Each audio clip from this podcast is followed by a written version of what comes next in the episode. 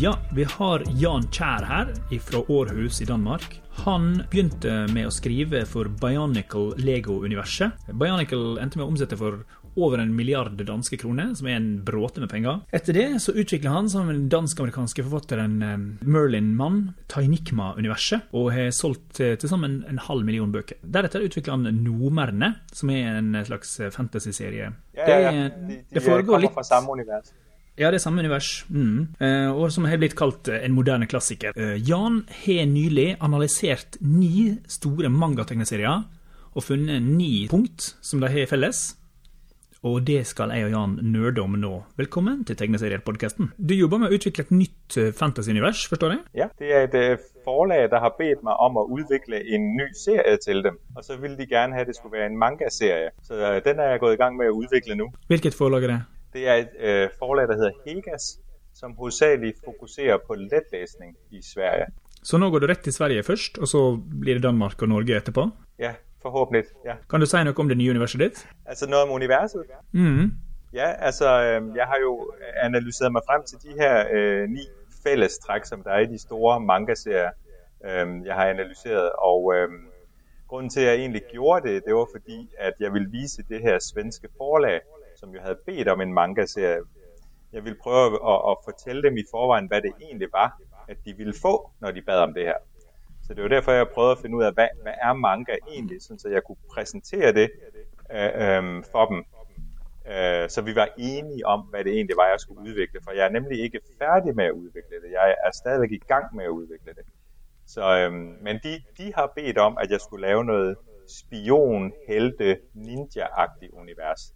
Så det er altså temaet for, for det her univers, jeg at prøve at bygge op.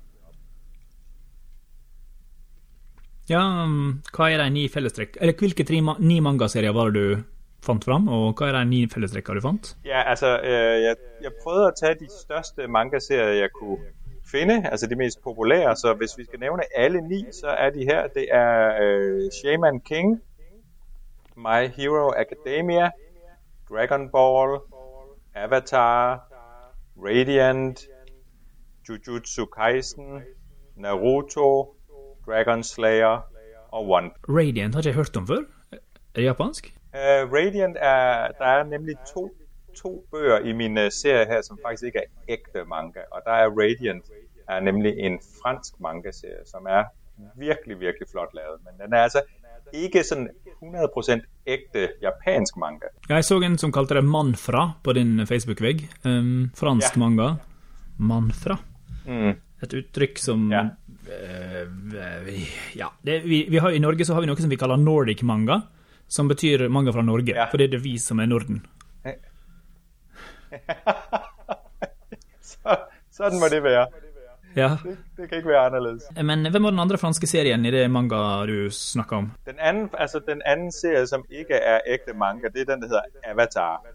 Som er sådan en Nickelodeon-serie, som, øh, som altså ja. heller ikke er lavet af japanere. Men altså den, den har mange af de her samme fællestræk, så derfor har jeg valgt å ta den med i min lille analyse. Så den er ikke fransk, den er amerikansk? Ja. Men, eller det er et sånn fellesprosjekt med folk fra mange land som lager det sammen, kanskje? Ja, det, jeg vet ikke riktig hvordan det, øh, hva det har inspirert dem til å gjøre det lige på denne måten her. Ja, animasjonsserien Avatar er vel Er den amerikansk? Den Avatar The Last Airbender? Ved, altså, virkelig helt ægte. Jeg vet ikke præcis om den er, den er lavet eller utviklet av amerikanere. Jeg vet faktisk ikke præcis hvem der har utviklet Avatar.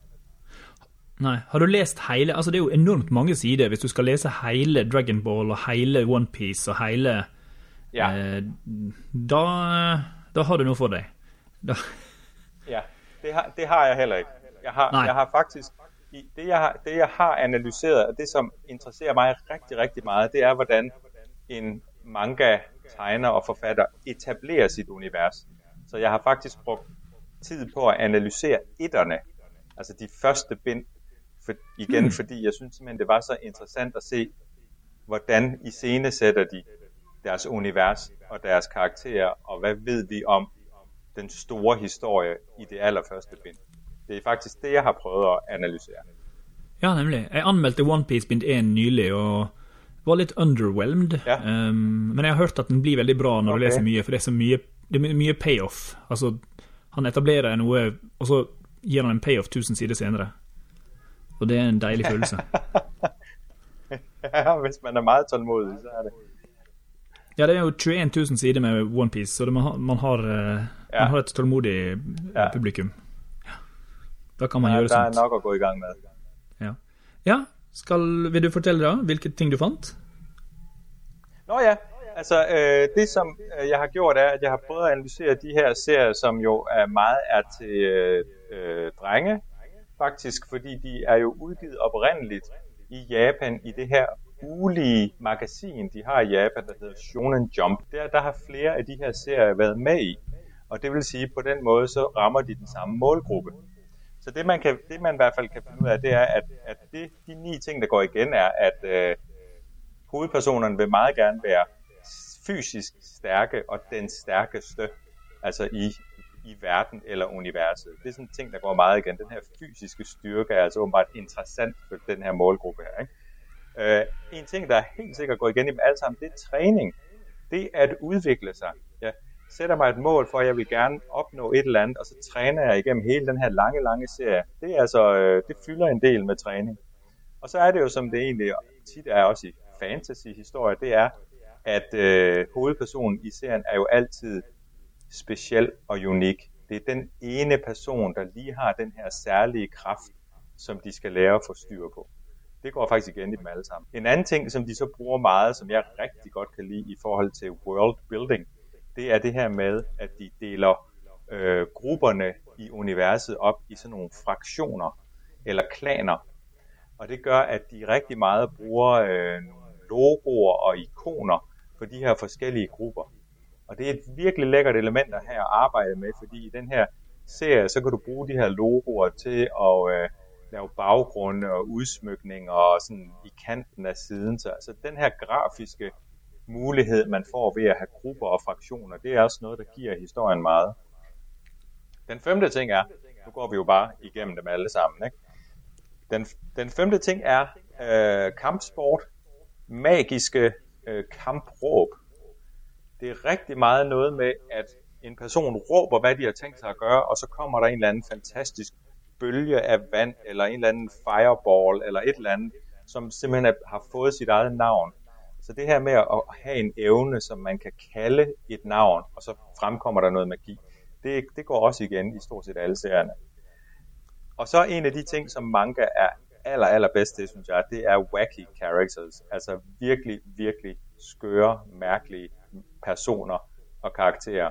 Og især jo den, du lige nævnte, One Piece, har nogle af de mest, mest mystiske og mærkelige karakterer med, synes jeg. Øh, så det er en stor ting også. Og den syvende ting er jo Monsters.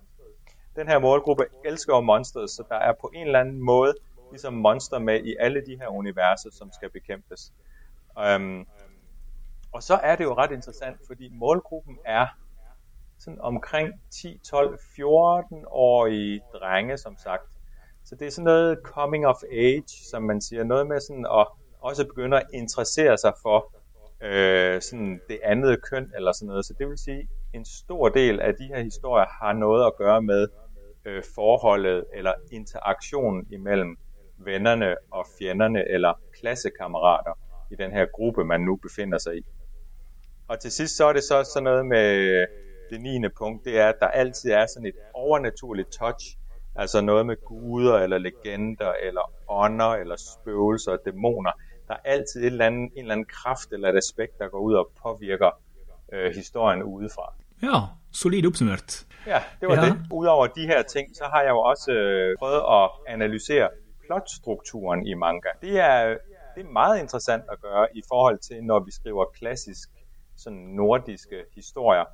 Øh, jeg skriver jo altid, hvis jeg skriver en serie for eksempel, så har jeg jo altid, kender jeg jo slutningen, før jeg skriver start. Så jeg, jeg ved, hvis jeg har tre bøger eller fem bøger, jamen så ved jeg præcis, hvordan historien slutter, og når jeg når til bog 5, jamen så er historien slut, fordi det min, min, min struktur er bygget op sådan episk med en stor afslutning til sidst. Men det, der er sjovt ved de her manga-tegneserier, det er, jeg ved ikke om, altså for nogle år siden, da jeg var, da jeg var i Japan, der så jeg de her magasiner, som japanske tegneserier, altså mangaer, oprindeligt bliver trykt i. og det er nogle virkelig, virkelig tykke bøger med hundredvis af sider, så har de, øh, det er det, man kalder en antologi, altså en samling af historier. Så har hver serie har måske 20 eller 30 sider. Det, at de er bygget op eller blevet udgivet på den måde, det påvirker faktisk den måde, de bliver skrevet på, fordi den her, det her magasin er det sådan en lille smule øh, hårdt, fordi hver uge så skal læserne stemme om, hvad for en serie de synes, der skal gå ud, og om der skal komme en ny serie ind.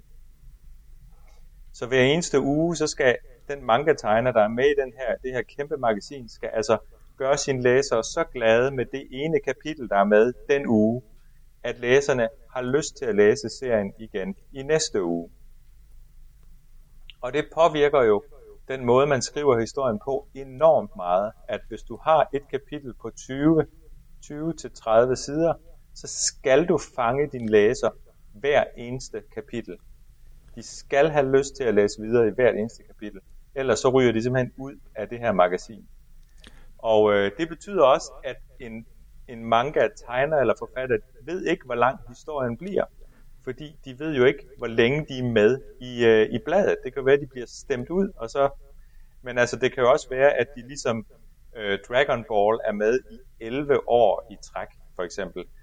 Og så skal man jo så simpelthen øh, finde på de her nye kapitler hver eneste uge. Øhm, og det giver altså en øh, anderledes plotstruktur. Det vil sige, det er øh, en, øh, en serie plotstruktur, der gør, at du har sådan en open-ended historie, der kan fortsætte uendeligt.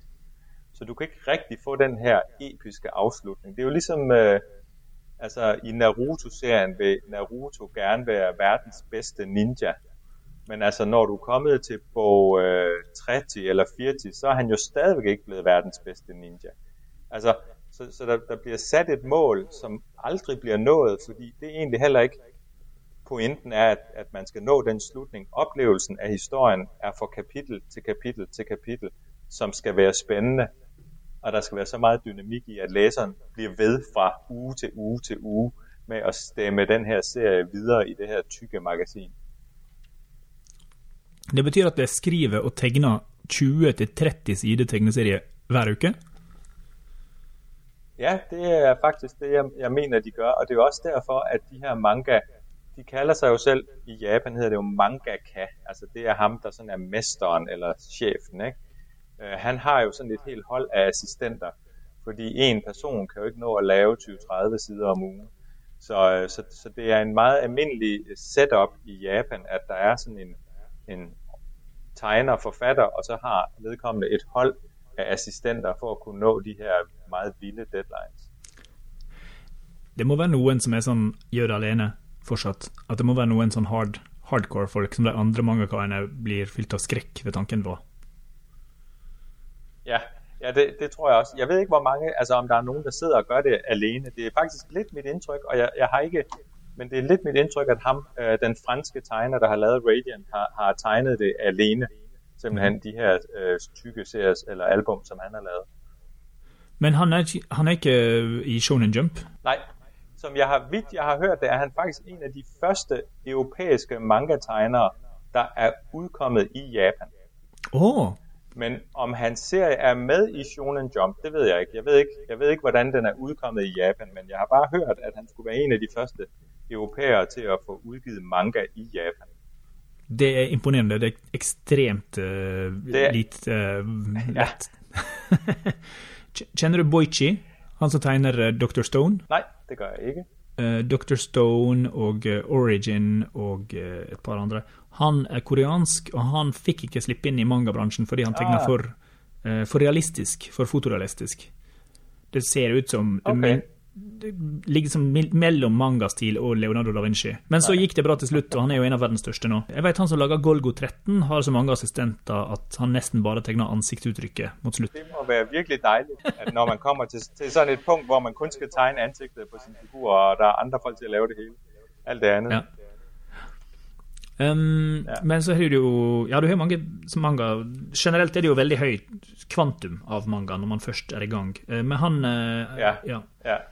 Uh, Onepiece-fyren virker som han gjør veldig mye alene. Junji Ito har jo virka som han har Han har to assistenter, kanskje, som gjør litt sånn cleaning og vis- viskelære og sånt, men ikke så mye tegning. Ja, okay. Hvis du har sett uh, uh, Manben, kjenner du til Manben? Dokumentar-TV-serie som han eh, Naoki Urasawa har lagd. Han som skriver Ok. og tegner eh, Monster og 21st Century Boys.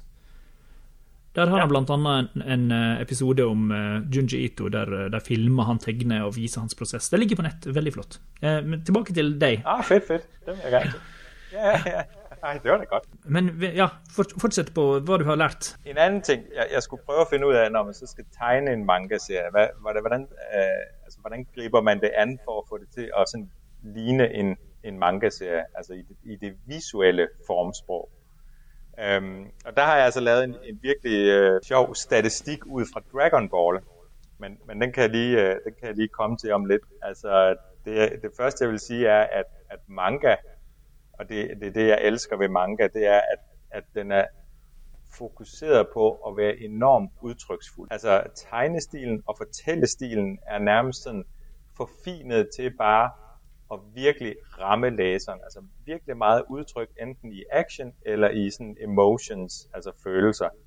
Så øhm, hvis man kigger på deres ansigter, altså, de er jo, altså manga er jo kendt for de her store øjne og små næser, og så også store munde faktisk. Og det jeg synes, der er så, så fedt ved det her design, det er, at manga-tegnerne vælger altså de elementer i ansigtet, der giver allermest udtryk, og gør dem store. Fordi der er jo ikke så meget udtryk i ens næse. Så derfor er den jo altså også sådan en lille fin ting, der bare sidder lige midt i hovedet, men der er plads til store øjne og store munde, der kan skabe udtryk. Ikke? Øhm, og så selve deres fortællestil, altså måden de får fortalt historien visuelt, den er også fokuseret på netop maksimalt udtryk. Øhm, så jeg har lavet sådan en lille analyse her af Dragon Ball. For eksempel fandt jeg ud af, at lydord, når man bruger lydord i, i manga, det er der i 39% af alle billederne, er der lydord i. What? Altså, der, der understreger handlingen. Ja. Men, men det, der er endnu mere interessant, det er, at i 54% af alle tegningerne er der specielle ansigtsudtryk. Så altså, det vil faktisk sige, at i over halvdelen af alle tegningerne i den her manga-bog, der laver folk et emotionelt ansigtsudtryk, som er anderledes end bare deres almindelige sådan, pokerface. Ikke? Øh, og, det, og det viser også, hvor meget, hvor meget fokus de har på sådan emotions og på udtrykket, at, at ansigtsudtryk er virkelig noget, der bliver brugt rigtig meget. Så øh, fandt jeg ud af også, at en almindelig sådan rund taleboble med tekst i, altså det er sådan standard, den almindelige taleboble, men igen, i, i, i 54% af alle billederne, der er taleboblerne også anderledes. Altså du råber noget, eller du visker noget, eller øh, man, man laver det der tegn for, når folk er, er rasende i manga.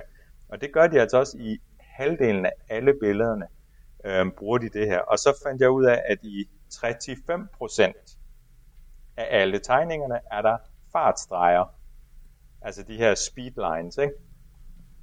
Eller, eller de fokusstreger, der sådan peger ind mod folks hoveder, hvis man sådan virkelig skal, skal lægge mærke til deres sådan emotion og deres følelse og ansigtsudtryk, så bruger de jo de her streger, der peger ind mod figurerne. Og det, det gør de altså også, øh, det gør de i, hvad var det, hvad sagde jeg, jo, 35 procent, er der altså fartstreger med i tegningen.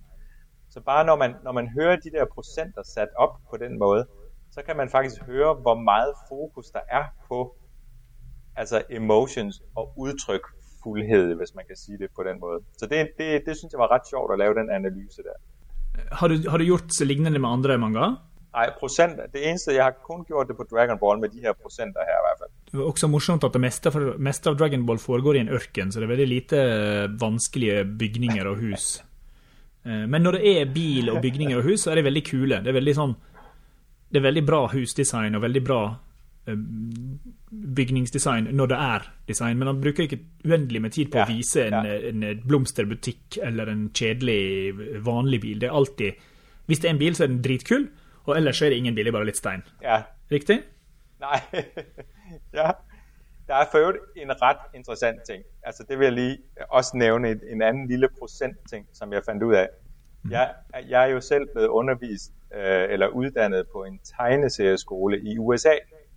The Cubert School i USA. Der, der er jeg uddannet.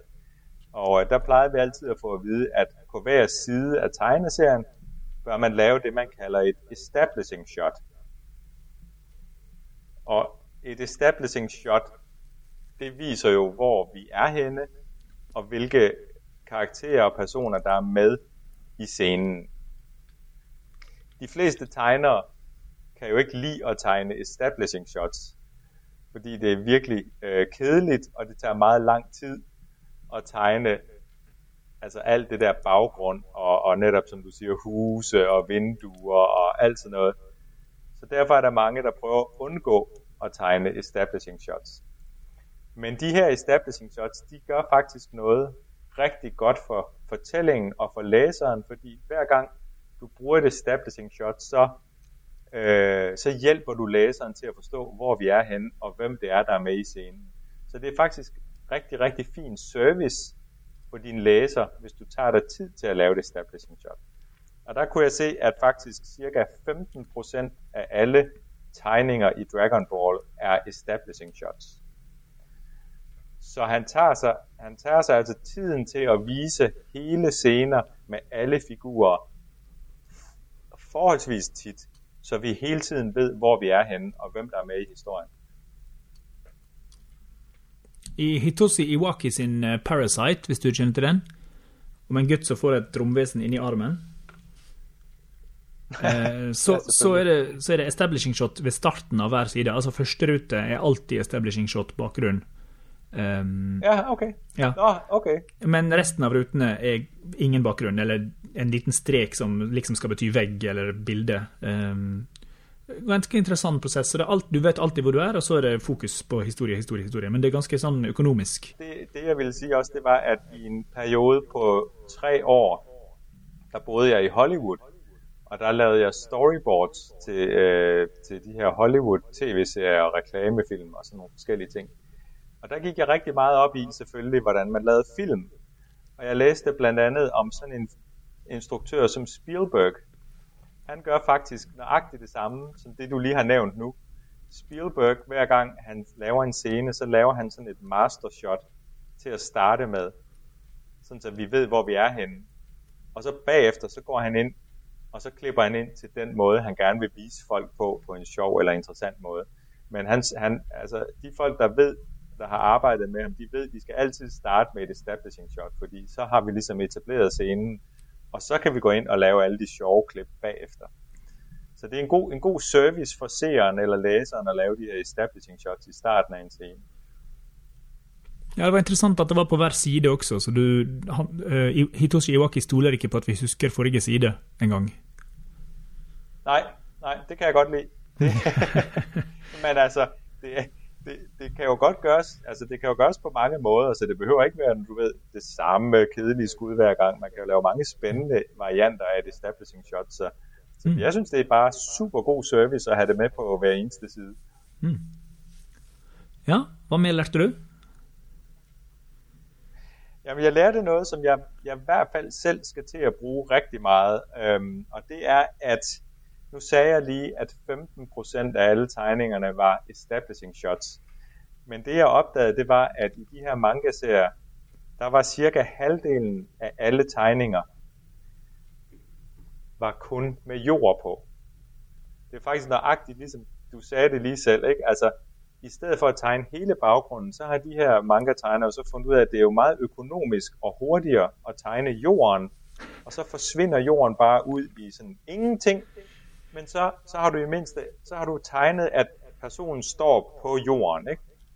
Øhm, og så kan du faktisk slippe afsted med ikke at tegne alt det kedelige i baggrunden. Og det gør de, det gør de altså i, i Dragon Ball på altså 50% af alle tegninger. Øhm, så det skal, det skal jeg helt klart til at bruge. altså sådan et establishing shot, og så så resten av tegningen, det er bare gulv på. Og så er det logisk at det er ørken, for de slår jo så hardt etter hvert at alt rundt dem blir til grus på første slag.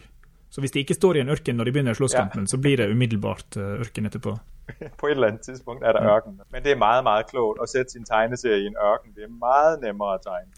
Ja, hvad mere har du lært? Jamen, øh, jeg tror, vi sådan lidt en lille smule er igennem det hele, men øh, jeg har to små ting mere, og det var, at øh, fordi at de jo laver deres øh, historie delt op i kapitler, og hver eneste kapitel skal få læseren til at læse videre, så er der jo meget ofte en cliffhanger i hver kapitel.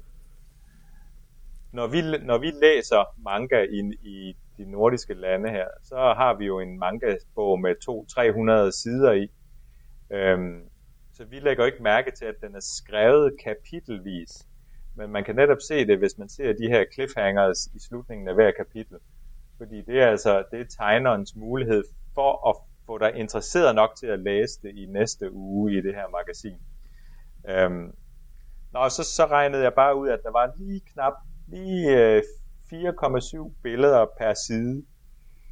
Så øhm, det er selvfølgelig en blanding mellem, nogle gange er der et helt stort splash page med action på, og nogle gange er der en masse små billeder, hvor folk taler sammen. Men det var sådan omkring, omkring fem tegninger per side. Så, så nu har jeg, så, så det, det, det er alt det, jeg præsenterede for mit, øh, det svenske forlag der, og så, så er vi nogenlunde, øh, hvad hedder det, enige om, hvad det vil sige, at, at øh, de beder om, når de beder om at, at få lavet en manga-serie. Og det er dette det forlaget Vritt i Sverige vil ha? Nu er de klar for det. Ja, det er det, de, de gerne vil have, eller hvad siger du? Ja, ja, ja. Ja, ja, altså, jeg har jo ikke hørt fra dem endnu. Åh oh, nej. Jeg, har, jeg, har, jeg har holdt mødet og præsenteret det her, og nu venter jeg ja. meget spændt på at høre, om, om det er det, de gerne vil have. Men det du lager vil jo ikke bli solgt slik som seriene i Shonen Jump blir. Det blir jo antakelig solgt i form av bøker. Eller finnes det en plass der man kan trykke 20 sider hver, hver uke eh, og lage et eh, skandinavisk Shonen Jump? Ja, Svenska hopp. Ja, nej, nej, nej, altså det, det bliver ikke... Ja, ja. ja, nej, det bliver ikke lavet på den måde. Men, men fordi at øh, Hegas øh, fokuserer hovedsageligt på læst, letlæste bøger, så, så bliver det faktisk forholdsvis tynde bøger. Så det vi har talt om er, at, at hvis, et kapitel, hvis et kapitel er på øh, 16 sider, at hvis vi så laver to kapitler i hver bog, altså det bliver nogle meget korte bøger med kun 32 tegneseriesider i, ikke? Mm-hmm. Øhm, så, så kommer det faktisk næsten til at fungere, som hvis det var i Shonen Jump. Fordi ja. så skal jeg så for, for ikke for hver kapitel, men for hver anden kapitel, gøre det så interessant, at læserne har lyst til at, at læse den næste bog. Så en bok skal være to kapitel? Skal du også ha sånne tegnesider, sånn som i Tinycman hadde du fire sider med eh, lær å tegne i hver eneste oh, ja. bok. Det var vel 16 ja. bøker du lagde, og, og alltid fire sider tegnekurs? Ja, det er rigtigt. Ja, med fire sider, ja. Og ved, og ved du hvad, øh, faktisk er de der tegnesider, som var bagest i Tegnik med bøgerne, de var meget populære. Øh, børnene kunne virkelig godt lide, altså læserne kunne godt lide at få lidt inspiration til, hvordan de selv kunne komme videre med tegningerne. Jeg har faktisk øh, mødt nogle børn, der, der sagde, at ved, når de fik en ny tegnik med bog, det første de gjorde, det var at gå om og se, hvad der var på, på tegneskolesiderne. Ikke? Så, øhm, så det er altså det er populært sådan lige at, læ- altså, at lægge noget ind, der lige kan inspirere læserne til selv at lave noget. Men i den svenske serie her, der tror jeg desværre ikke, der, lader det, der tror jeg ikke, der bliver plads til det, desværre. Ble veldig gøy. Nå fikk jeg lyst til å stjele det med tegnesider på slutten av. Uansett hvilken bok, så er det tegnesider. Sånn, ja, 'Klimaendringene, vi skal alle dø', men her er litt, ja. slik kan du tegne en ja. isbjørn. Ja, den siste isbjørn i verden. Ja. her, her står han på et isflak og flyter. Men blir det svart-hvitt dette slik som mangaen, eller skal du gjøre farge? For manga er alltid. Ja, det var jo, øh, altså i de her øh, japanske magasiner, de originale, der har faktisk øh, hver tegner lov til at lave omkring 5-6 sider i farve. Så det er faktisk meget tit i, i de her magasiner i Japan, så, så sidder man og læser en tegneserie, der starter i farve, og pludselig bliver sort-hvid midt i det hele. Det er lidt, det er lidt mærkeligt. Jeg tror, at øh, det, det her svenske forlag vil egentlig gerne have, at det bliver i farver. Og jeg vil selvfølgelig helst have, at det bliver i sort-hvid, fordi det er hurtigere at lave. Så, men jeg, jeg, tror, jeg tror, jeg bliver nødt til at lave det i farver. Det lød, det lød i hvert fald som om, de helst vil have farver i. Så, så allerede der bliver det sådan lidt, lidt mindre ægte manga. Men øh, den øh, Avatar og Radiant er vel i farge fra utgangspunktet? Ja, det er rigtigt. Ja, den er også i farver. Så det, det kan man godt. Har du, du har læst Understanding Comics av Scott McCloud? Ja, det er mange år siden, men jo, jeg har læst den. Han skriver jo noe om at man leser et bilde litt forskjellig om det er farge eller, i, eller svart-hvitt. At hvis det er farge, så, har du, så er det et objekt, og hvis det er svart-hvitt, så er det en handling. Man leser en ball, en tegning av en ball som spretter over, et, over en basketkurv. Man leser det som eh, handlingen ball treffer kurv, og man leser det som et bilde av en ball som svever i luften hvis det er farge. Fordi man, man prosesserer, gjerne tar ting annerledes hvis det er farge. Interessant. Ja, det er veldig interessant, fordi eh, det betyr at hvis den ma- manga-prosessen der man eh, maler første fem sidene, er liksom en, et triks for å lokke folk inn estetisk, men når du først er inne i historien, så vil du først og fremst ha historien og ikke pynten. Man, man vil ikke bli for mye distansert. Man vil bare Hvis, være hvis det er, som du siger der, at at den sort-hvide version, den har mere fokus på selve handlingen, så er det jo egentlig også det, man gerne vil have. Ja, når man er inne i historien, når man er liksom i gang. Så sånn sett kan det Ja, hende det er klokt. Ja. Eh, dette tenker jeg mye på. tak for det input. Ja. Eh, har du mer du vil fortelle Empirix lyttere? Nej, jeg tror, jeg tror, jeg er igennem det hele, og det er jo altså, vil jeg bare lige sige, det var jo noget, jeg bare sad og lavede, altså for mig selv, bare for sjov, og for ligesom at tage med over og kunne, kunne præsentere til det her møde. Det var ikke sådan, at jeg skulle gøre mig til manga-ekspert, eller sådan skulle til at ud og skrive øh, store rapporter om, hvordan man laver manga, men det var mere sådan en lille sjov, sjov ting for at prøve at se, om man kunne, man kunne prøve at definere nogle af virkemidlerne i manga. Men det er jo liksom Det er jo interessant fordi du er i høy grad en konsument av analyse. Altså, du er ikke en som sitter og analyserer for å analysere, eller for å skrive en doktorgrad. Du, er det, du, skal, du skal ha ting du kan bruke, og så ferdig. Det er liksom Ja, Få, få, Ja, ja. få Sånn verktøyene. Jeg har et tonn med bøker Ja. å lage. For du har sikkert mange, mange Du skal sikkert lage en haug med disse bøkene. mm, ja, ja, ja, jeg kunne ja, det kunne jeg, kunne have brugt flere år på at, at lave de her undersøgelser, her, ikke? Ja. Som du siger, det var sådan helt fokuseret ind til, hvad, hvad definerer manga, kan man sige. Og, og der var jo en dejlig deadline, for der var jo et møde, der lå ikke så langt ude i fremtiden, så Ja. det skulle jo også være færdigt. Tusen, tusen takk, Jan. Eh, Veldig hyggelig å snakke med deg igjen. Vi møttes sist i Ja, selv. Kjøben, tror jeg. Eh, Så ses vi på Copenhagen Ja. Comics 2024. Uh, Skal du på den? ja, ja, ja. Godt. Vi ses. Ha det Ja, godt. det, det regner jeg, det håber jeg da på.